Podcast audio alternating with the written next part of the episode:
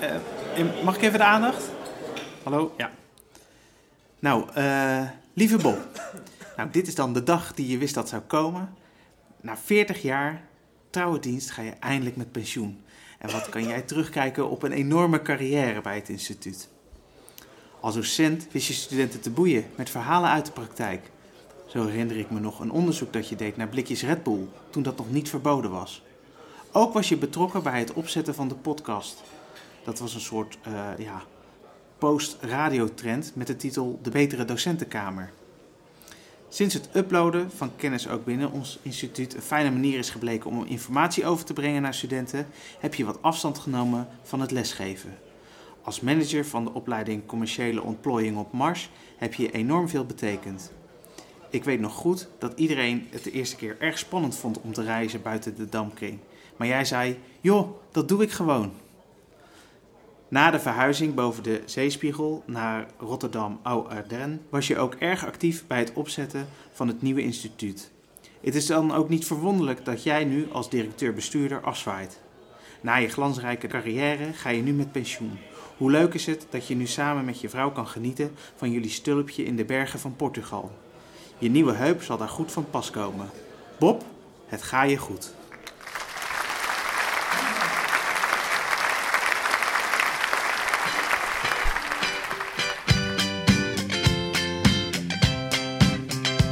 De Betere Docentenkamer. Met Bob en Rinus. Live vanuit de box. Als dit een speech is in 19, uh, nee, 2051, dan ja, uh, ja dat, dit zie ik wel zitten zo. Dit is wel een, een carrière geweest. Ja, ja prachtig. Uh, deze aflevering, we gaan het hebben over met pensioen gaan. Ja. Ken, ken jij mensen die met, onlangs met pensioen zijn gegaan? Ja, ik ken er wel een paar. Ik kijk er ook zelf ook heel erg naar uit. Ja? Ja, dat lijkt me wel lekker. Ja?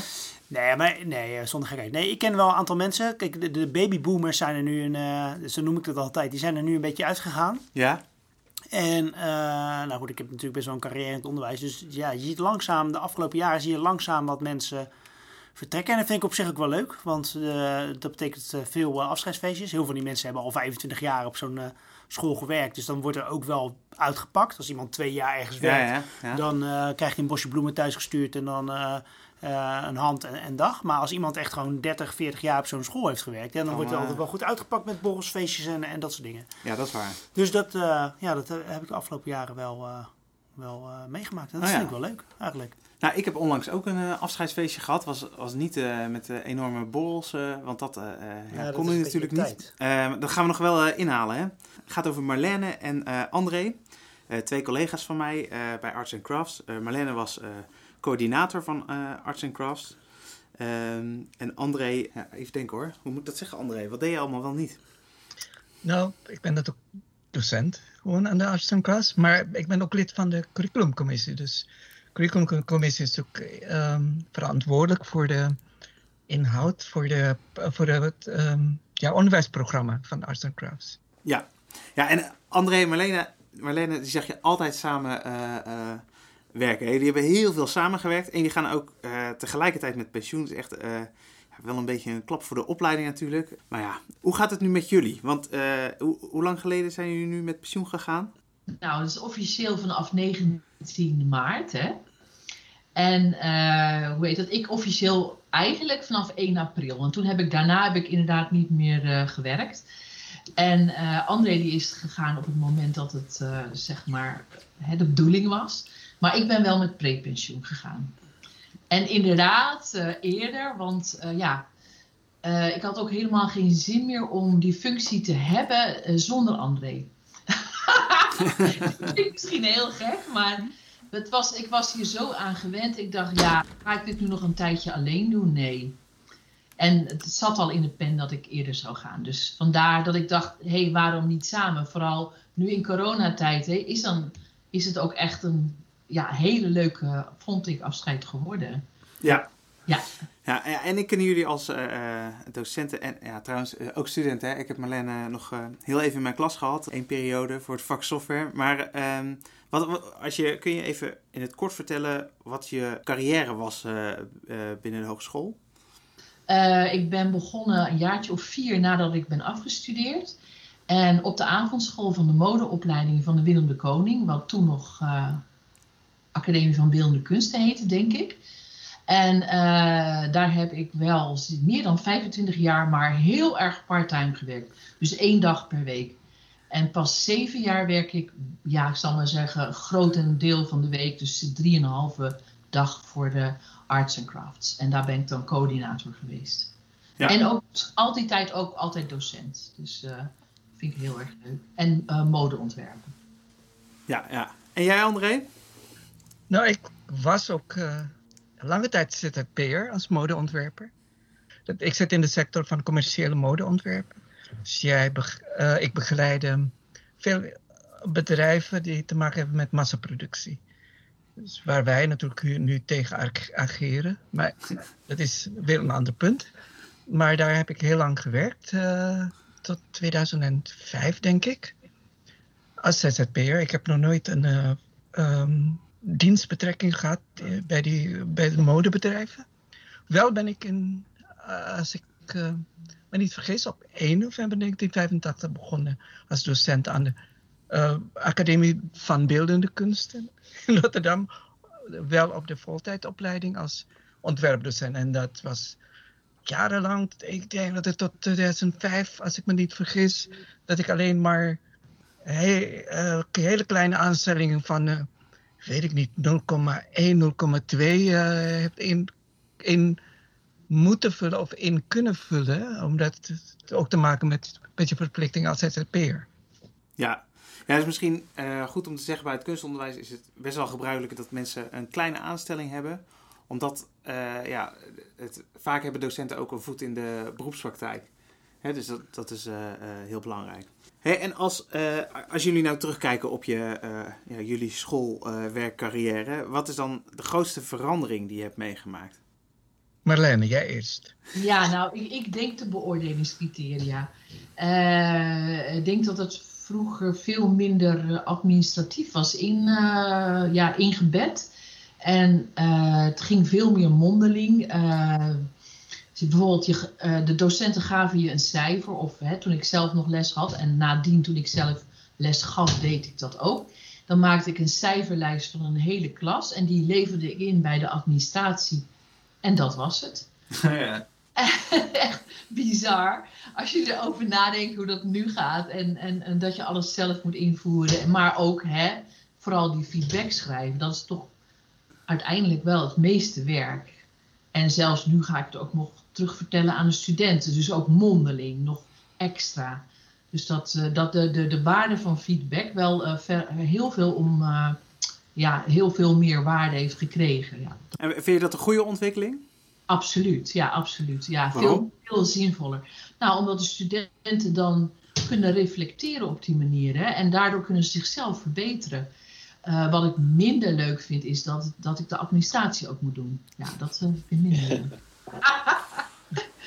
en André? Ja, ik wil nog toevoegen, uh, Marlene. Inderdaad, in, de, in het verleden worden de feedback niet geadministreerd, om zo maar te zeggen. Niet op papier gezet. Maar dat betekent niet dat je als docent geen goede feedback had gegeven in die tijd, hoor. Ja, zeker. Het is alleen maar op een andere manier. Het is... Ja. Uh, het klinkt informeler, maar ik weet niet of het minder waardevol was. Het is alleen maar fijn dat je um, feedback geadministreerd hebt. Dat is met de reden om dat je terug kan kijken of je ja, toch uh, bepaalde zaken in je, uh, in, in je feedback goed hebt aangepakt. Maar als je vroeger een 7 gaf, dan was dat, was dat dan meer een gevoelskwestie van nou dat zit ongeveer rond de 7 of was dat ook opgebouwd uit uh, een beoordelingsformulier of waar dat ook aan, aan vast hangt. Waar wij nu echt mee bezig zijn, is dat er een soort raamwerk bestaat van daar voldoet het aan, daar voldoet het aan, daar voldoet het aan. Dus dan kom je op een 7,2 uit of zo.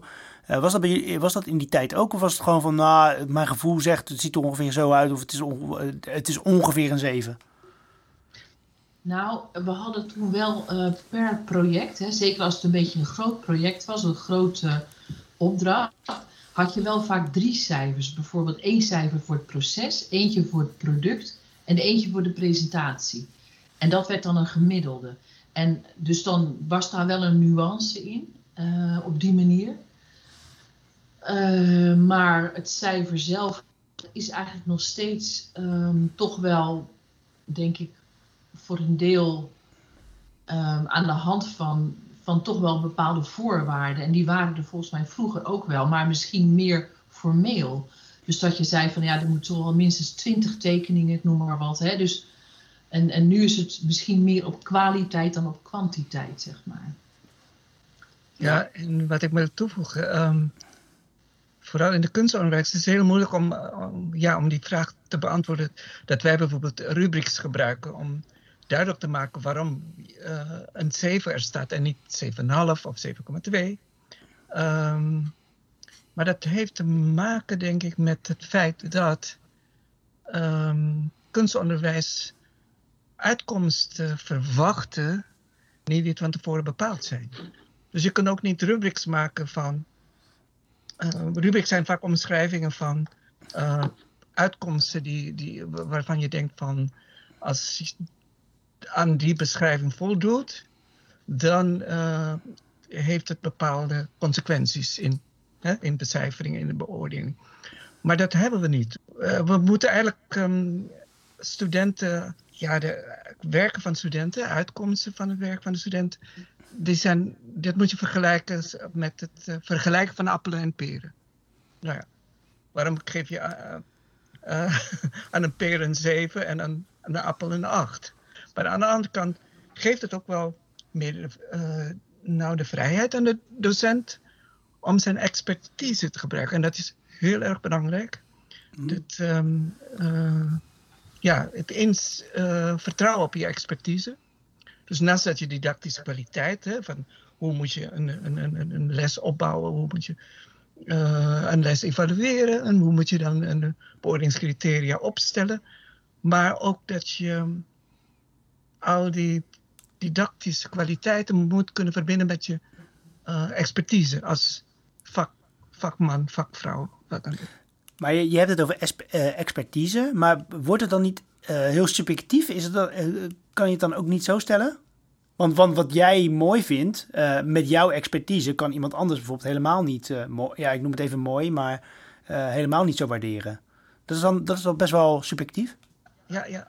Um, beoordeling, ik, ik weet niet of het typisch kunstonderwijs is, is natuurlijk subjectief. Uh, want je, je, je, beoordeelt niet alleen maar vanuit jezelf, maar je beoordeelt ook unieke kwaliteiten van studenten. Dus je kunt, nou, het begint weer appelen met peren vergelijken. Je kunt niet zeggen van als deze student een 8 heeft, als ik daarnaar kijk en dan vergelijk het niveau van de, deze student of niveau, de kwaliteit van de student met de andere student, wat absoluut niet te vergelijken, dan kom ik op een 7,5 die, die ja, hoe noem je dat toch? Dat is een soort um, uh, standaard vergelijking. Dat is um, eigenlijk bijna niet te doen uh, bij, bij, het beoordelen van opdrachten, om zo maar te zeggen. Opdrachten ja. waarvan de uitkomst niet, uh, niet van tevoren bepaald. Ja, ja de uitkomst staat niet vast, zo gezegd. En als je uh, kijkt naar het lesgeven, hè, wat, wat, was de leukste tijd om les te geven? Wanneer was dat het uh, leukst, vond je, André? Hoe oud was je toen? Oeh, ik, ik vond uh, bij het begin wel complex hoor, omdat je dan wel weet wat je wil vertellen, maar je weet nog niet hoe je wilt vertellen. En dat is ten eerste, je, je hebt nog geen goede didactische kwaliteiten. Maar ten tweede, um, je hebt nog geen um, vaardigheid om, om studenten te begeleiden. Wat, wat is een feedback bijvoorbeeld? Um, uh, geef ik, moet ik een eerlijk feedback geven? Um, uh, moet ik een bemoedigend feedback geven? Want dat kan, dat kan ook wel weer uh, soms meer van belang zijn dan een, dan een eerlijke feedback, om het maar te zeggen. Ja, ja. En, en wanneer, wanneer was je daar het beste in? Is het, is het zo dat, dat je in het laatst van je carrière daar het beste in was? Ja? Ja, ja. ja? de laatste van de carrière altijd de, de, de, wordt, werd ik beter, moet ik zeggen. Ik denk dat ik vroeger wel ja, een beetje, hoe heet zo iemand, een pis, uh, hoe heet zo iemand? Wat? Als je zout legt. Oh ja. Pis kijken. Ja, nou, dat is misschien overdreven, want ik ben altijd wel vrij positief gepro geprobeerd te blijven. Ook wat André zegt van, hé, hey, je kunt iemand de grond inboren, maar ja, dat heeft helemaal geen zin in mijn optiek. Ik geloof ook niet dat dat, dat, dat, daar ben ik ook het type niet voor. Er waren wel docenten die dat deden en dat werkte ook bij sommige studenten best aardig. He, zeker studenten die bijvoorbeeld helemaal niks deden of, of heel weinig. Maar ja, ik, het was niet mijn tactiek, zeg maar. En ook paste niet bij mijn karakter. Maar um, ik denk wel dat ik vroeger kritischer was dan dat ik nu ben. En ik kijk nu meer naar de grote lijn. Dat, dan, en ik ben ook veel strakker. Ik dacht, als ik iets zeg, dan moet ik argumenten hebben. En dat had ik vroeger, had ik daar niet zoveel last van. Dan zei ik gewoon, ja, het is niet zo goed en uh, daar en daarom niet. En dan waren het allemaal kleine details. En dan zag ik die ogen van die studenten alle kanten op schieten. En dacht ik echt van, oké, dit komt niet aan enzovoort.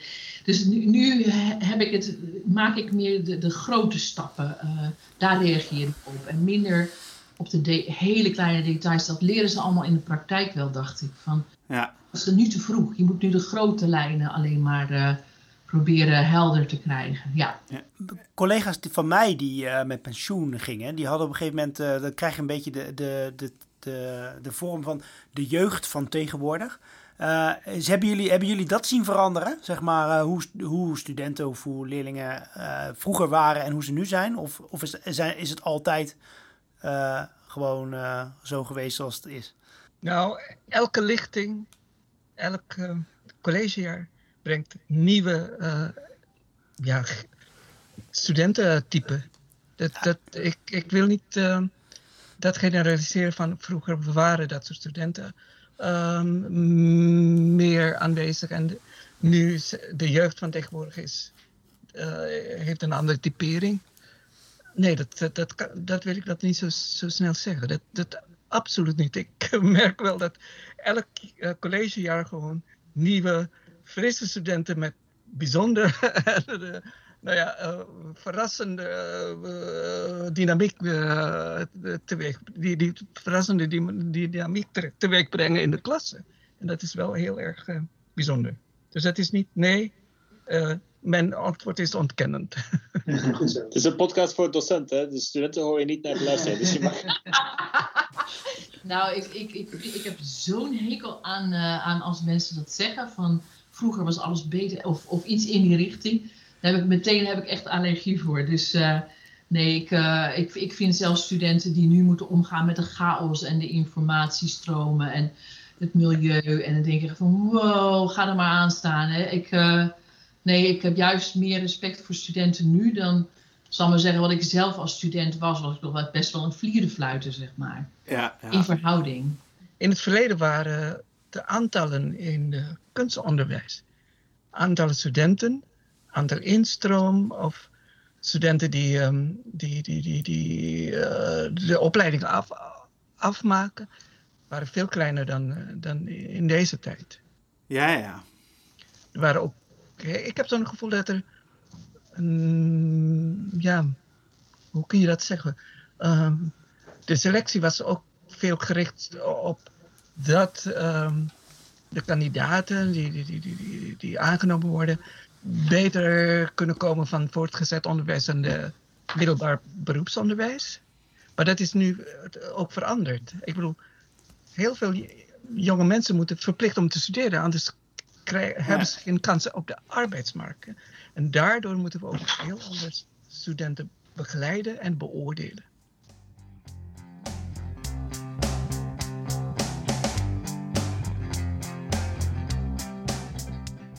Janneke uh, is hier uh, ook aangeschoven. En Janneke is, uh, of, ja, was mijn eh, manager. En Janneke is nog niet helemaal met pensioen. met deelpensioen heet dat toch? Kun je misschien even in het kort vertellen hoe je loopbaan geweest is? Dus wanneer ben je in het onderwijs gerold? ik ben afgestudeerd in Indonesische talen en culturen. ik ben ook afgestudeerd in geschiedenis. Ik heb twee masters. En ik ben begonnen als uh, junior, junior um, beleidsmedewerker op het bureau van de Universiteit in Leiden.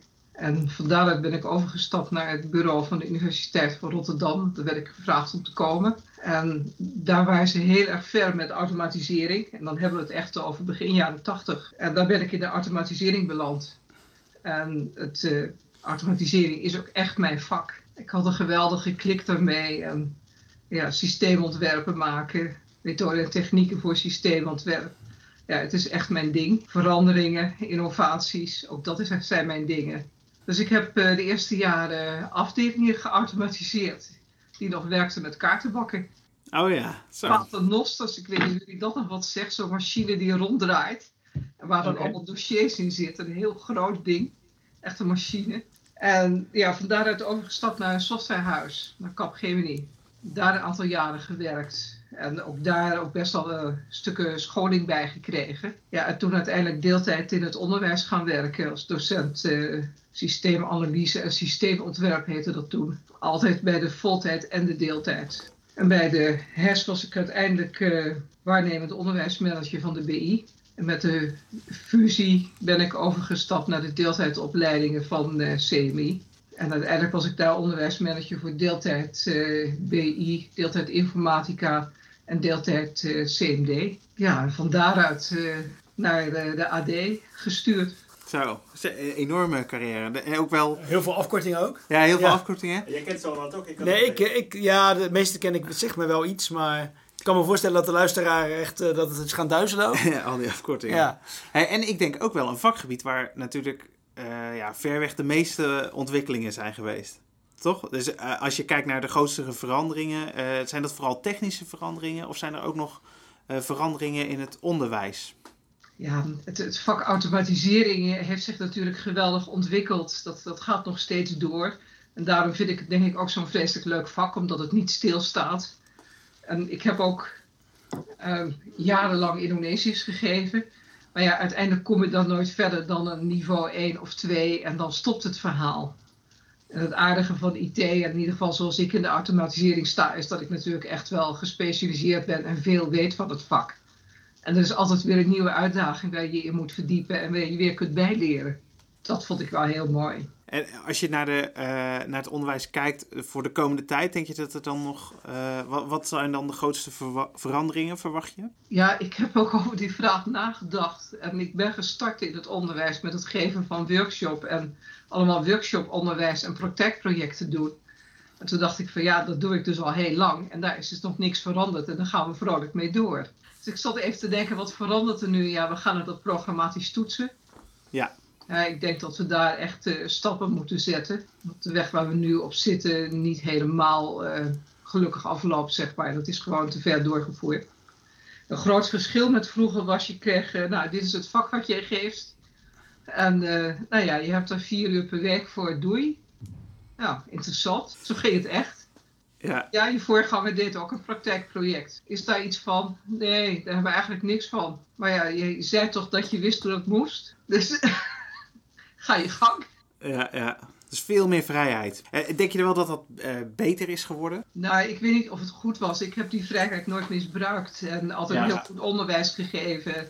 En heel veel onderwijsmateriaal moeten maken, want er was natuurlijk niks. Uh, in de zin van automatisering, uh, hoe dat ging in de praktijk, daar waren geen leerboeken voor. Je had een paar handboeken die gebruikt werden in de automatisering, maar hoe je dat aan een groep studenten uitlegt, dat was er niet. En wat ik zelf, uh, mijn eigen ervaring was natuurlijk heel erg uit de praktijk van nul tot compleet geautomatiseerd. Dus ik wist heel goed hoe dat ging in de werkelijkheid.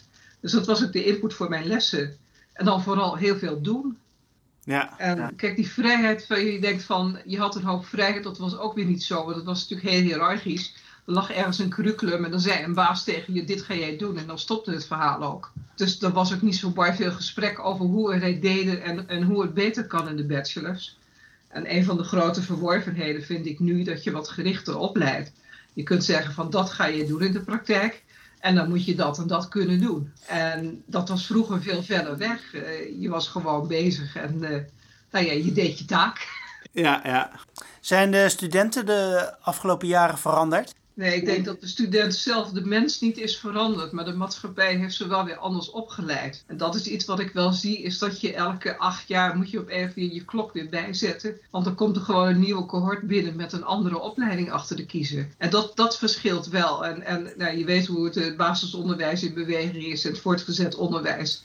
En uiteindelijk merk je dat ook op het HBO. Maar dat zegt niks over de mens zelf. Dat zegt hoe ze gevormd zijn. En dat verandert. Mooi. Wat gaan jullie het meeste missen uh, aan het uh, uh, onderwijs als je Of nog mis je nog helemaal niks? Ja, sowieso je leuke collega's natuurlijk, eh, André. Nee, ja, je, je mist wel. Er zijn nog wel dingen in de, voor in de plaats gekomen, hoor, wat dat betreft, gelukkig wel. Maar wat, wat je mist is natuurlijk wel contact met, met, eh, met collega's en, en studenten. Maar dat weet je van tevoren dat dat ophoudt. Daarom ben, hè? Ja. eh, daarom ben Ja. je met pensioen. Wat, wat je verder mist is eigenlijk of je jezelf verder kunt ontwikkelen zonder die verplichting van werk, zonder die contacten met studenten, zonder die contacten met collega's. Want dat, dat vind ik wel, tenminste voor mezelf, belangrijk, dat ik dat nog steeds zou kunnen doen. Dat is ook een streven van mij. Ik heb in mijn ehm, eh, app naar jou teruggeschreven dat ik. eh, ja, dat valt me goed met het eh arbeidsinactieve periode. En dat is ook, ook zo, want we hebben, Janneke, Marlijn en ik, hebben nu een uitkering. Hè?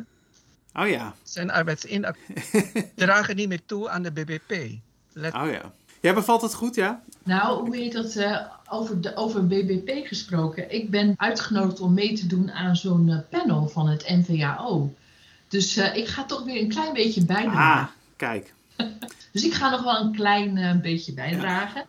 En daarnaast werk ik ook als eh oppas-oma. Ah ja. Dus, eh, mijn dochter die kan dan wel werken. Wat ze niet doet overigens. Maar eh, allerlei hele leuke projectjes. En ik vermoed dat daar wel een website uit gaat rollen op den duur. Of iets anders. Dus eh, het is toch wel niet gelijk helemaal einde verhaal. En ja, ik mis ook de collega's. ik mis het vooral het vele contact met anderen. En dat is door corona ook moeizaam natuurlijk. Om, om, om snel andere mensen te ontmoeten. Ja, ja, kan ik me voorstellen. Janneke is nog niet zo ver, hè? Nee, ik ben eh parttime met pensioen. Want wat doe je nog, eh, Janneke? Ik eh, ben nu nog weer de trekker voor eh, de vijfde ICT-AD, voor AD ICT Security. En dat Ja. loopt ook nog wel een, eh, ja, een jaar door. Nou, weet je wat het heerlijke nu is? Dat ik voor de dingen die ik doe, dat ik daar tijd voor heb. Ik bedoel, vroeger als onderwijsmanager, daar heb je een stapel werk liggen. Nou, dan schat ik in, eh, oké, dit is mij een kwartier waard, en dat een half uur, en dat een uur, en dat is, dat is een verplichte vergadering van twee uur. Nou, en dat is dan de tijd die je voor de dingen hebt. En eh, ja, nu kan ik gewoon rustig een ochtend op internet gaan eh, surfen om te kijken wat er al op dit punt van IT-security beschikbaar is. Ja, ja, mooi. Ik hoor veel mensen altijd over een zwart gat praten en zo op het moment dat ze met pensioen moeten. Bij jullie heb ik dat idee helemaal niet. Zal ik even eh, zeggen dat de lockdown heeft heel goed geholpen om om te gaan met, met tijd zonder verplichtingen. Of tijd waarbij je ehm, wordt, ja, hoe noem je dat toch, eh, beperkt. Nou is het natuurlijk eh, bij pensioen een, is dat een verplichte beperking of is dat een eh, vrijwillige beperking? Ja, Ehm, willen. eh, de, de, de beide. eh, en eh, Ja. bij de lockdown is het natuurlijk een, een, een verplichte be- beperking van, van, van, je, van je activiteiten. Eh, En dat heeft er wel geholpen om die fase in te gaan. Ik bedoel, eh, toen ik met pensioen echt gegaan was, de dag daarna, had ik niet eens het gevoel dat, dat het veel minder druk was geworden. Omdat de dagen toch eh, tijdens de lockdown ook een beetje op elkaar eh, gingen lijken. Dat, is, eh, dat, is, dat heeft wel geholpen. En ja, de- je bent minder actief in de zin van de, met verplichtingen, maar je, je hebt wel andere activiteiten. Ja, ja mooi. Nou, voor mij voelt het zeker niet als een zwart gat. Helemaal niet. Nee hoor. Nee, ik vond het, ik vond het best wel een zware functie. En eh, ben heel blij dat, eh, dat het is overgenomen door mensen die super capabel zijn. En dat, eh, dat is echt een heel fijn gevoel. Dus eh, ja, Eh, Het, is, het is wel echt een eh, gevoel van vrijheid. Echt. Ja. Heb je het makkelijk los kunnen laten? Want je zegt ja, ik heb het over kunnen dragen aan mensen die capabel zijn. Heb je toch niet altijd behoefte om nog even te checken hoe het dan, eh, hoe het dan, nu, eh, hoe het dan nu eraan toe gaat? Nou, ik, ik had wel twee maanden overdrachtstijd gepland. eh, Mhm. Van 1 februari tot 1 april. En dat eh, heeft wel enorm geholpen. En dan gebeurde er in die tijd al dat de dingen al anders gingen. Of dat ik ergens niet bij betrokken werd. En dat was best lastig, inderdaad. Maar daar heb ik nu helemaal geen last meer van. Dus nu, nu, nu zie ik de studenten ook niet meer. En ik, ik ben ook niet meer. Ik hoor niet meer dat er iets fout gaat. Dat zal vast nog wel komen een keertje, maar maakt niet uit. Maar ik heb er nu geen last meer van, omdat ik wel best wel daar tijd voor heb gekregen. Ja. Ja. Ja, ik heb ook uh, mijn opvolgers goed voorbereid. Ja. Dus, uh, en ik weet dat, het, dat alles in goede handen uh, is. Kan ik makkelijk loslaten, ja. ja. Het was niet moeilijk, om zo maar te zeggen. Het moeilijke is dat je eigenlijk het lesgeven, um, je taken uh, toch wel uh, waardevol vindt, nog steeds vindt. Maar dat is een ander punt. Ja, en het omgang met studenten, is dat niet iets wat gemist wordt? Met studenten en collega's. Ja, nee. ja en ik, ik ga ook zeker het werk van de studenten heel erg missen. Want dat, dat vond ik altijd wel heel leuk bij de eindexamens bijvoorbeeld. Dat dan die expositie er was en dat dat werk, dat kan ik nu ook wel zien, maar ik zie het nu niet meer ontstaan. En dat vind ik wel heel jammer. Dus dat stukje ook.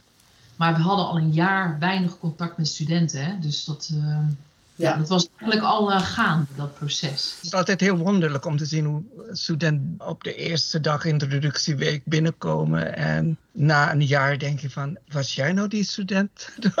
Ja. Die uh, op die ene woensdag met die workshop uh, stond te stuntelen. dat je deel wordt van, van de ontwikkeling van jonge mensen, dat is wel heel erg fantastisch. En dat mis ik het meest. Ja. Wauw, mooi, mooi gezegd. Bij mij heeft altijd centraal gestaan dat ik graag een, um, een functie wil hebben in het... Uh, in de maatschappij, in het, in het, maatschappelijke krachtenveld. En dan ook gewoon alles wat daar voorbij komt. Dus de goede dingen, maar ook de slechte dingen of de hele moeilijke dingen. Uh, gewoon midden in de maatschappij staan en dat zal ik uh, missen. Wauw, mooi. Hele mooie uh, dingen binnengeharkt hier. Leuk. Ja, ik, misschien kan ik nog toevoegen dat ik het ook heel jammer vind dat ik geen excursies meer doe met studenten. Dus dat was altijd heel erg leuk om, uh, om op reis te gaan met zo'n groep. En inderdaad alle bizarre dingen mee te maken die, die er dan gebeurden. En samen naar dingen te kijken. Ja, dat, dat ga ik ook heel erg missen. Dan is de sfeer toch veel, uh, veel informeler. En dat is wel toch een ander soort band wat je op, ge op een gegeven moment uh, krijgt met de studenten tijdens zo'n excursie. Ja, absoluut. Ah, mooi. Nou ja, dank jullie wel. En uh, uh, ja, wellicht tot uh, ziens nog als we weer eens een fysiek afscheid hebben. Dat moet er nog wel komen, toch? Ja. Jullie hebben al wel prikken gehad en zo, toch? 4 mei. Oké. Okay. Nou, we gaan binnenkort even goed afscheid borrelen dan. Dank jullie wel. Dank je wel.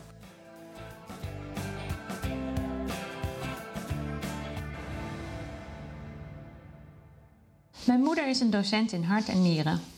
Haar vader was hoofd van de dorpsschool, haar moeder werkte daar ook. En net als haar vijf broers en zussen ging ook mijn moeder het onderwijs in. En zij heeft natuurlijk een dochter op de wereld gezet die toch in haar onderwijsvoetsporen is gestapt. Mijn moeder is een socializer. Ze houdt van praatjes maken, is goed in het organiseren van projecten, kan met veel mensen omgaan, zit altijd vol met ideeën en schakelt makkelijk in verschillende situaties. Ze vond dan ook op verschillende plekken haar draai. In het begin als leerkracht op de basisschool, later als regionaal onderwijsadviseur, als secretaris voor een commissie voor speciaal onderwijs, als projectleider bij een school voor slechthorenden. Als docent Nederlands als tweede taal en ook in het buitenland, als adviseur op de Malediven en als directeur van de Nederlandse school in Mozambique. Mijn moeder is ook eigenzinnig. Ze doet dingen graag op haar eigen manier. En de laatste jaren vond ze het ook wel lekker om niet meer zo druk te zijn. Dus daar wrong de schoen in het onderwijs. Want je hebt als docent wel veel vrijheid in je klaslokaal, maar roosters, vergaderingen en nakijkwerk zijn wat statischer. Ze koos de laatste jaren voor haar pensioen voor totaal iets anders en werd taxichauffeur. Ook een sociaal en hulpvaardig beroep en koerste zo met veel ontspanning en plezier op haar pensioen af.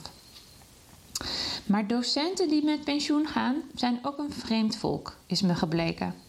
Binnen alle mogelijkheden die corona bood, heeft mijn moeder haar pensioen duidelijk ingeluid. Ze is zelfs eerder gestopt omdat ze dat werken wel zat was. Ik was dus op zijn minst wel een beetje verrast toen ik hoorde dat ze onlangs weer als leerkracht begonnen is. Bijles aan leerlingen van een basisschool in de buurt. Ah, leuk, vrijwilligerswerk, dacht ik. Dat staat een goed aarde pensionada wel. Maar wat schetst mijn verbazing? Ze krijgt er zelfs voor betaald. Door corona hebben verschillende leerlingen natuurlijk achterstand opgelopen. En met het geld dat de overheid daarvoor vrijgemaakt heeft, kunnen scholen bijlessen organiseren. Mijn moeder is, samen met een keur aan andere docenten, ingehuurd om kinderen in kleine groepjes bij te spijkeren in lezen, schrijven, rekenen, de basics. Ik ken mijn moeder natuurlijk al langer dan vandaag en het verbaasde me niks dat ze na haar pensioen iets nieuws oppakte. Maar ik dacht eerder aan goede doelen, vrijwilligerswerk of iets anders met clubjes, schilderen, yoga, bijencursus. Nu heeft ze dat laatste ook opgepakt, maar ze is dus ook terug in het onderwijs, ook al is het maar een middag in de week. Ik vond het grappig en tekenend dat een baan die ze gedag gezegd had vanwege de drukte, ze toch weer naar zich toe haalde en vroeg me af of dat misschien iets typisch was voor onderwijzers. En zoals dat gaat met dingen die je zijn opgevallen, ineens zag ik ze overal. Docenten die met pensioen gingen om vervolgens het nog even te rekken, terug te keren op hun oude werkplek of ergens anders een doorstart te maken. Een onbekend gezicht zag ik in de teamvergadering. Ja, ik ben Hans. Ja, gek eigenlijk dat we elkaar nog nooit gezien hebben. Ik ben ondertussen al twee keer met pensioen gegaan, maar ik kom telkens terug. Ze vroegen of ik kon ondersteunen bij de afstudeerbegeleiding en dat vind ik geweldig. Of in een bijeenkomst voor nieuwe medewerkers van de hogeschool. Nou, ik heb jaren op een middelbare school gewerkt en nu sluit ik aan bij de lerarenopleiding. Ik ben eigenlijk met pensioen, maar ik vond dit zo'n mooie kans dat ik hem gegrepen heb. En dus, naast deze twee voorbeelden en mijn moeder, zijn er vast nog veel meer. Gaat het hier over individuen die het moeilijk vinden om hun pensioentijd te vullen met andere zaken? Is dit de babyboom-generatie die niet van ophouden weet? Of heeft het met het vak van de docent te maken? Over die eerste zaken kan ik niet oordelen, maar in het laatste kan ik me wel verplaatsen. Docent ben je met je hele zelf. Het is deel van jezelf, je bent er zelf deel van. Een van de redenen waarom ik geen docent wilde worden en het voor mij in eerste instantie een tweede keusbaan was, had te maken met dat ik niet zo wilde worden als mijn moeder. Nu ben ik er ondertussen op meerdere manieren achter dat daar geen ontsnappen aan is. Maar daarnaast vind ik het, wat dat werk betreft, ook helemaal niet erg. Als docent voel ik me als een vis in het water, veelzijdig, inspirerend, uitdagend, juist omdat je het zelf bent. Wat jij doet, krijg je van je studenten terug. Wie jij bent, bepaalt hoe jij lesgeeft, met de mensen in je werk een connectie creëert. Ik kan niet lesgeven zonder me te verbinden met de mensen, collega's en studenten om me heen. En ik zie dat dat ook geldt voor andere collega's. En dat, hoewel het soms heel spannend is, kan ook iets verslavends hebben. Iets meeslepends. Als het geweldig is, als het verschrikkelijk gaat omdat studenten tot grote hoogte stijgen, omdat de organisatie je het bloed onder de nagels vandaan haalt. Je kunt het doen, je kunt erover lezen. Docenten met hart en ziel, Teaching by Heart, het prachtige risico van onderwijs, zomaar een wilde greep titels die boekdelen spreken.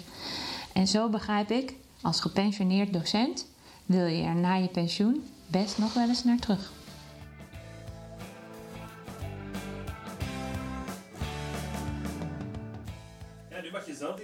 Ja, Rinus, stel Ja. dat jij morgen met pensioen zou gaan. Als allereerste, wat zou je, wat zou je dan gaan doen? Vooral meer gaan doen Ja, dan dat je ehm, nu doet. Even kijken hoor, want eh, heel even, ik moet heel even nadenken. Want dan heb ik ook geen kleine kinderen meer, toch? Nee, dat, daar kan je wel vanuit gaan. Ja, ik weet niet of je, wat je nog van plan bent in de toekomst, maar Nee, als, ik- als ik nu zeg maar geen, geen werk had, wat zou dan mijn dagbesteding zijn? Ja, ik zou toch wel eh, met mensen in contact willen blijven.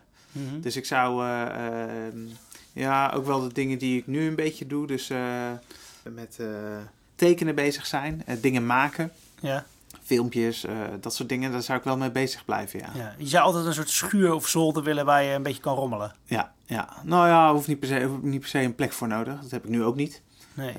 thuis. Maar gewoon, ja, wel blijven rommelen, ja. En, en jij? Ja, ik weet niet. Ik, ik denk dat ik het... ehm, ik, ik vul mijn tijd wel, Ja. denk ik. En, en dat, is, dat kan allerlei eh, dingen kan dat zijn. Het kan eh, lezen zijn of, eh, of documentaire kijken of buiten inderdaad wandelen of iets gaan van sport gaan doen. Wel, misschien dat je als je 65 of 67, wanneer gaan wij stoppen als we 70 zijn? Maar of ik zou me ergens tegenaan gaan bemoeien. Ah, Dus bij een voetbalclub of zo, dat ik Ah, de ja. lijnen ga doen of de reclameborden ga ophangen of weet je, zoiets. Klagen. klagen Heel veel klagen. Vroeger, vroeger beter was. Dat, Ja, ja. ja, dat vond ik wel. Dat, dat was wel wat, wat, wat er net uit dit gesprek kwam. Is dat eh, het, het was vroeger beter. Dat kwam bij deze, bij deze mensen er niet zo heel erg uit. Nee. Eh, Terwijl, eh, ja, ik heb dat zelf al. Dat ik zeg van, nou, vroeger was nog met de studenten deden we nog dit of dat. Ja, Dus- word je- word je toch al een beetje zo'n oude zeikert eigenlijk. Ja, ja, dat begin ik nu al te worden. Ja. Ik zou het scharrelen missen. Hier, gewoon. Op, Eh. op locatie. Dat mis ik nu al een beetje. Gewoon een beetje rondlopen. En dan gewoon bij iedereen gewoon even, gewoon even naar binnen kijken. En even Ah, een praatje zo. maken. En even, lang, even, even bij de conciërge gaan zitten. En dat. Dat Ah, zou ja. ik heel erg missen. Hey, in mijn hoofd betekent scharrelen iets heel anders. Ja, je- dat is waar. je- nee, maar daarom je- denk ik, ligt het nog even toe. Fijn dat je dat doet. Dus de, laat, de uitleg laat ik er wel in of knip ik weg? Nee, laat de uitleg er maar in. En laat dit er ook maar in. Even kijken hoor. Hey Bob, jij hebt eigenlijk ook al best wel een carrière, een lange carrière. Hè? Als jij terugkijkt, wat is de groot- grootste verschil in studenten?